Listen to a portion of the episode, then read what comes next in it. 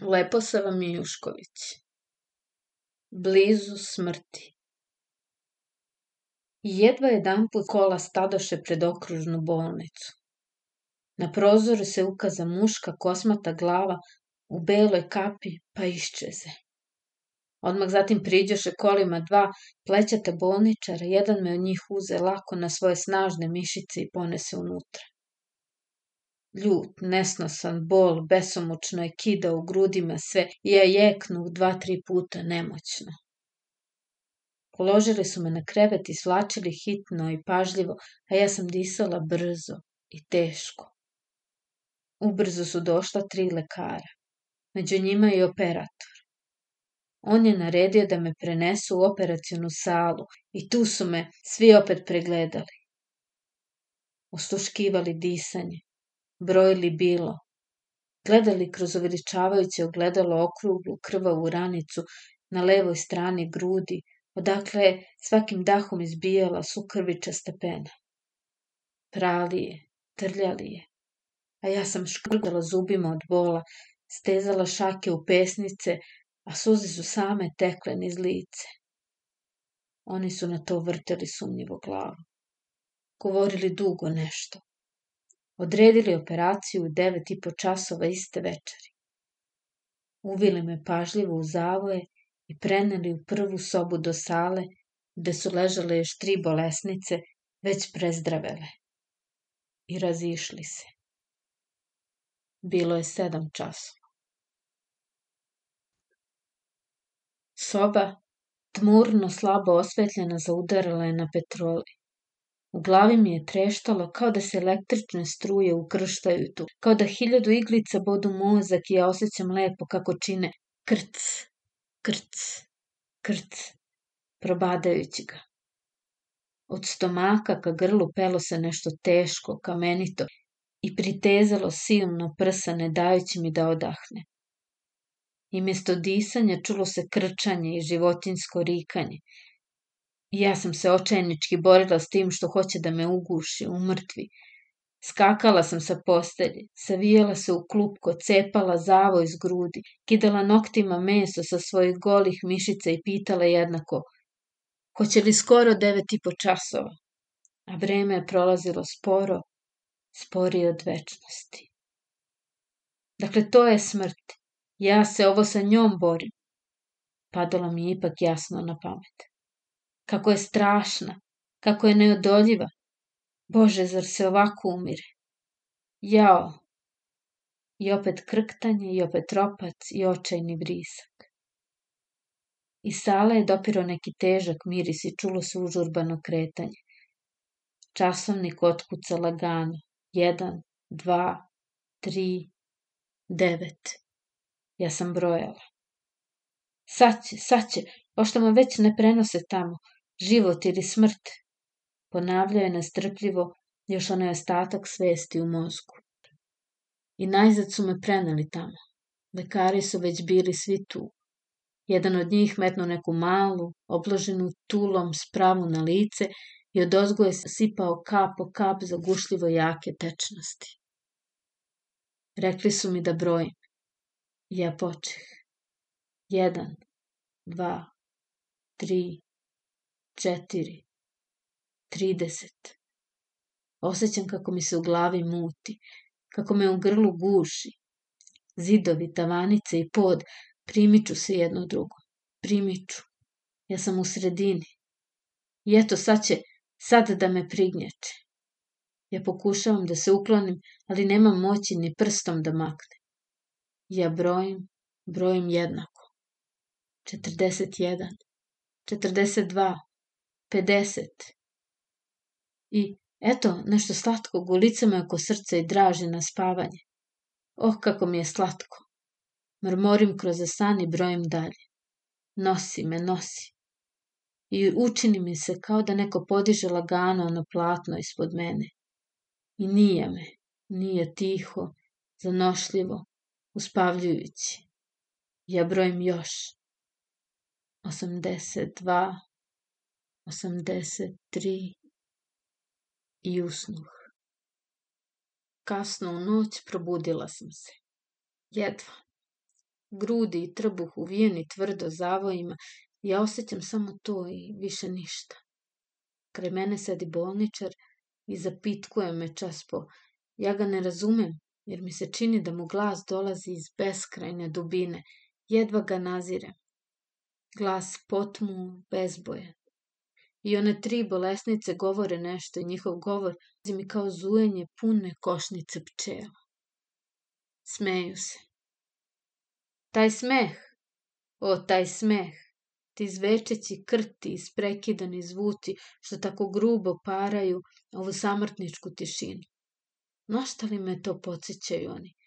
Ama šta je sve to sa mnom bilo? Pitam se jednako i trudim da dam mislima jedan tok. Ah, sećam se, sećam. Osvanulo je čisto, svetlo, okupano jutro posle kišovite noći. Ja sam stajala na sred sobe licem okrenutem prozorom i gledala daleko, daleko tamo.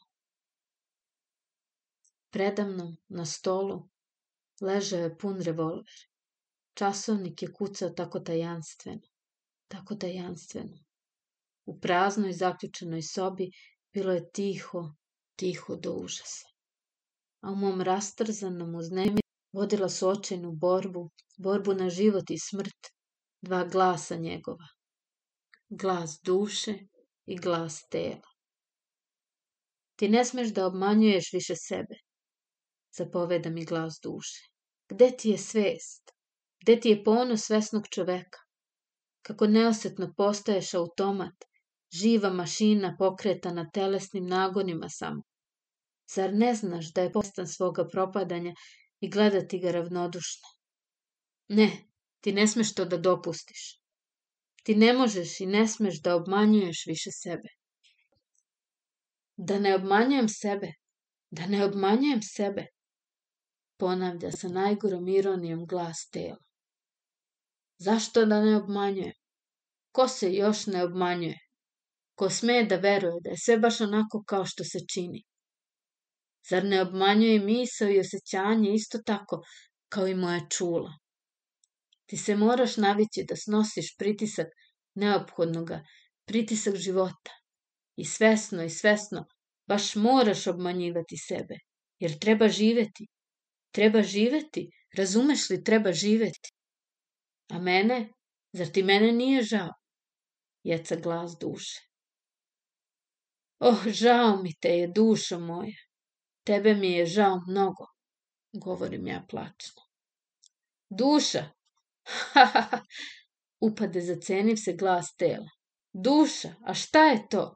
Kome treba ona? Duša! Ah, ha, ha. I ona tišina, onaj užas te prazne sobe, prihvati taj podrugljivi, otegnuti smeh i još silnije razlegnu se. Ha, ha, ha. Duša. Duša, šapućem i ja besvesno i strašljivi šapat razbi se kroz onaj tihi užas i otud se vrati još silnije, još jače, no malo čas. Da, duša, šta je to? Ha, ha, ha.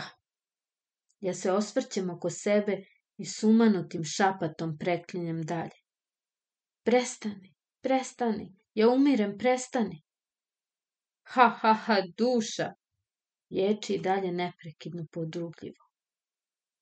Časovni kuca tako tajanstveno. Tako tajanstveno. Po stolu leži pun revolver.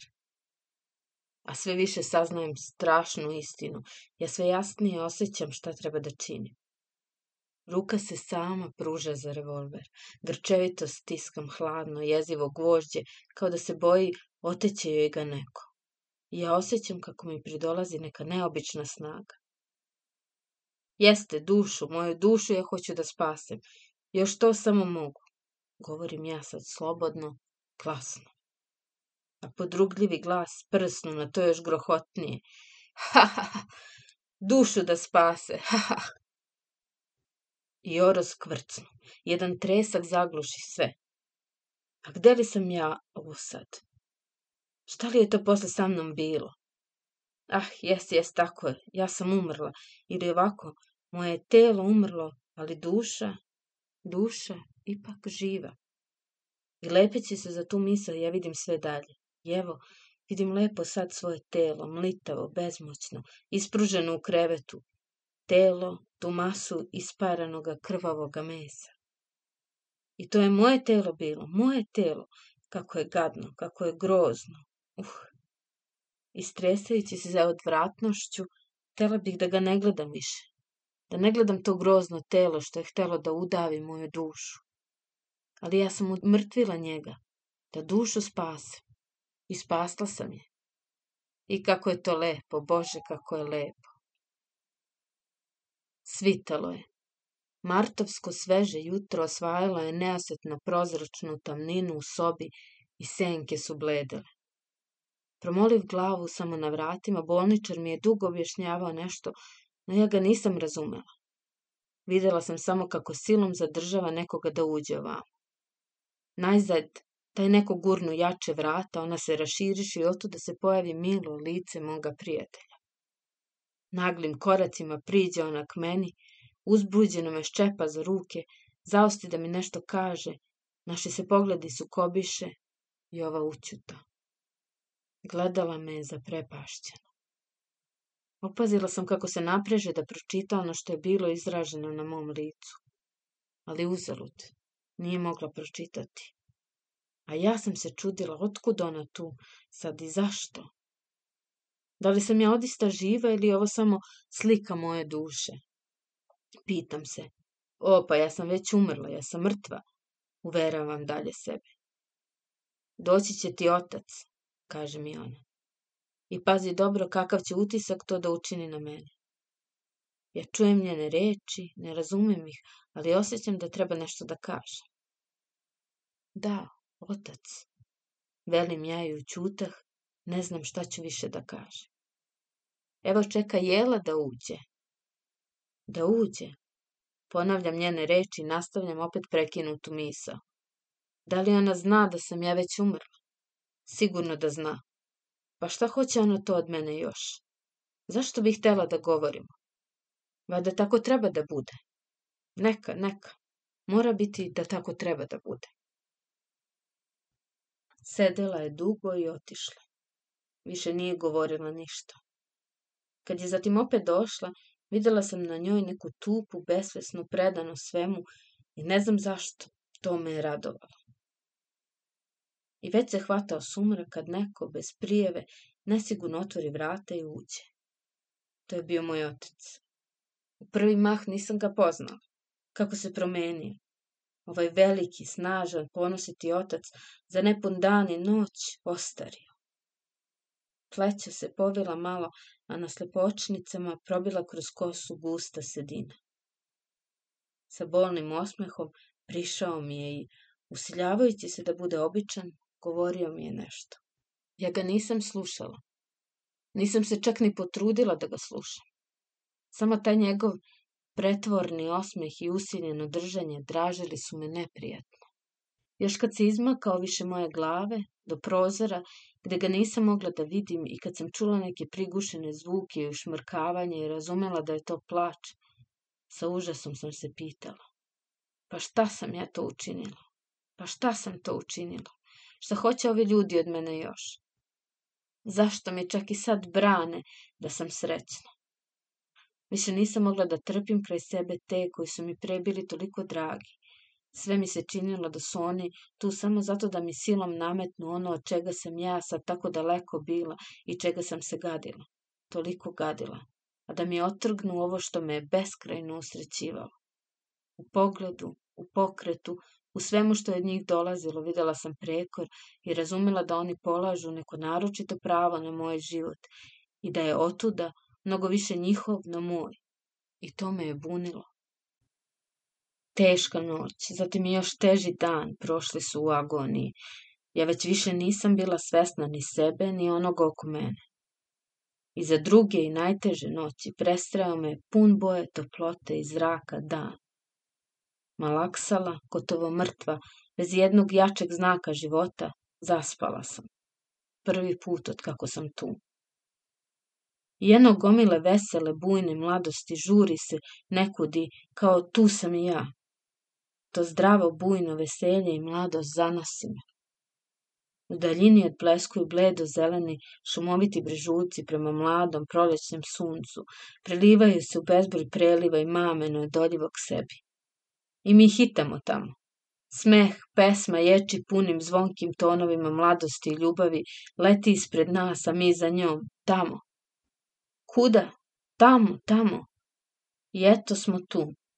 Gluha, sanjiva tišina šume razbiji se očas našim pomamnim veseljem i stara, podmlađena šuma zapeva s nama zajedno silnu pesmu mladosti i ljubavi. I pesma bruji gromko, skladno. Uzavrela krv šiba kroz žile, paleći mlado uzdrhtalo telo. Duša drhti, a ja pritežem, pritežem rukama prsa, zadržavajući silom mahniti vrisak da ne poremeti savršenu skladnost pesme ali i osjećam kako ne mogu da ga zadržim i kako je baš to dobro što ne mogu. Nedoljiva bujica strasti navire sve jače i jače, ja se upinjem da je zadržim, ali snaga malaksava. Još malo samo, još malo i brana puče. Ja posrnu, pa cihnu, mahnu do divlje i padoh u travu. U istom sam se trenutku razbudila. Više mene stoji otac, prska me vodom po licu, i pita šta sam sanjala. Ja ga gledam, gledam kao da ga sad prvi put vidim tu i osjećam kako ga volim. Volim mnogo. Volim kao kad sam bila mala, kad mu skočim u krilo i tapšući rukama pocikujem radosno. Tata, tata, slatki moj tata. Tata, tata, jadni moj tata. Kličem ja sad, razdragano, nežno i pružam ruku da ga zagrlim kao nekad. On se saginje sve više, sve više. I ja vidim kako mu se široke grudi brzo nadimaju i kupe. Čujem kako jeca. Jeca moj jak i veliki otac. Ja ga volim, grlim isto kao nekad i osjećam kako mi se povraća nešto što sam otkad izgubila. Kako ispunjava celu dušu i kako se otuda pokreće toliko mladih, zdravih snaga iznova probuđenog života. Sunce je zalazilo. Njegova poslednja, jasno žuta i rumenkasta svetlo zaigravila se nestašno po mojoj do malo pretužnoj, bolesničkoj sobi. Jedan širok zrak probio se kroz prozor, zaustavio se na suprotnom zidu, baš više moga kreveta, pa treperi, treperi. Ta zlatna, prozirna i topla zraka. Ja podigoh nesvesnu ruku, kao da bih da je uhvatim. Ja držim je tako podignutu prema njoj, širim i skupljam mršavu providnu šaku i osjećam kako mi kroz telo lazi prijatna slatka toplina, kako se srce rastapa od neke preslatke milošte i kako bi da svemu tepa. Ljubim te, ljubim, ljubim. Te mi je večeri lekar, osmejkujući se prvi put zadovoljno posle pregleda rekao. Ipak je slatko živeti, zar ne? Ćuteći, odobrila sam. Kroz 10 do 15 dana ozdravit ćete. Ja bih na to da mu kažem što, ali ne mogu. Samo ga stežem za ruku, stežem. A srce jasno čujem ga šapuće. Bože, kako je dobar, kako je mio čovek.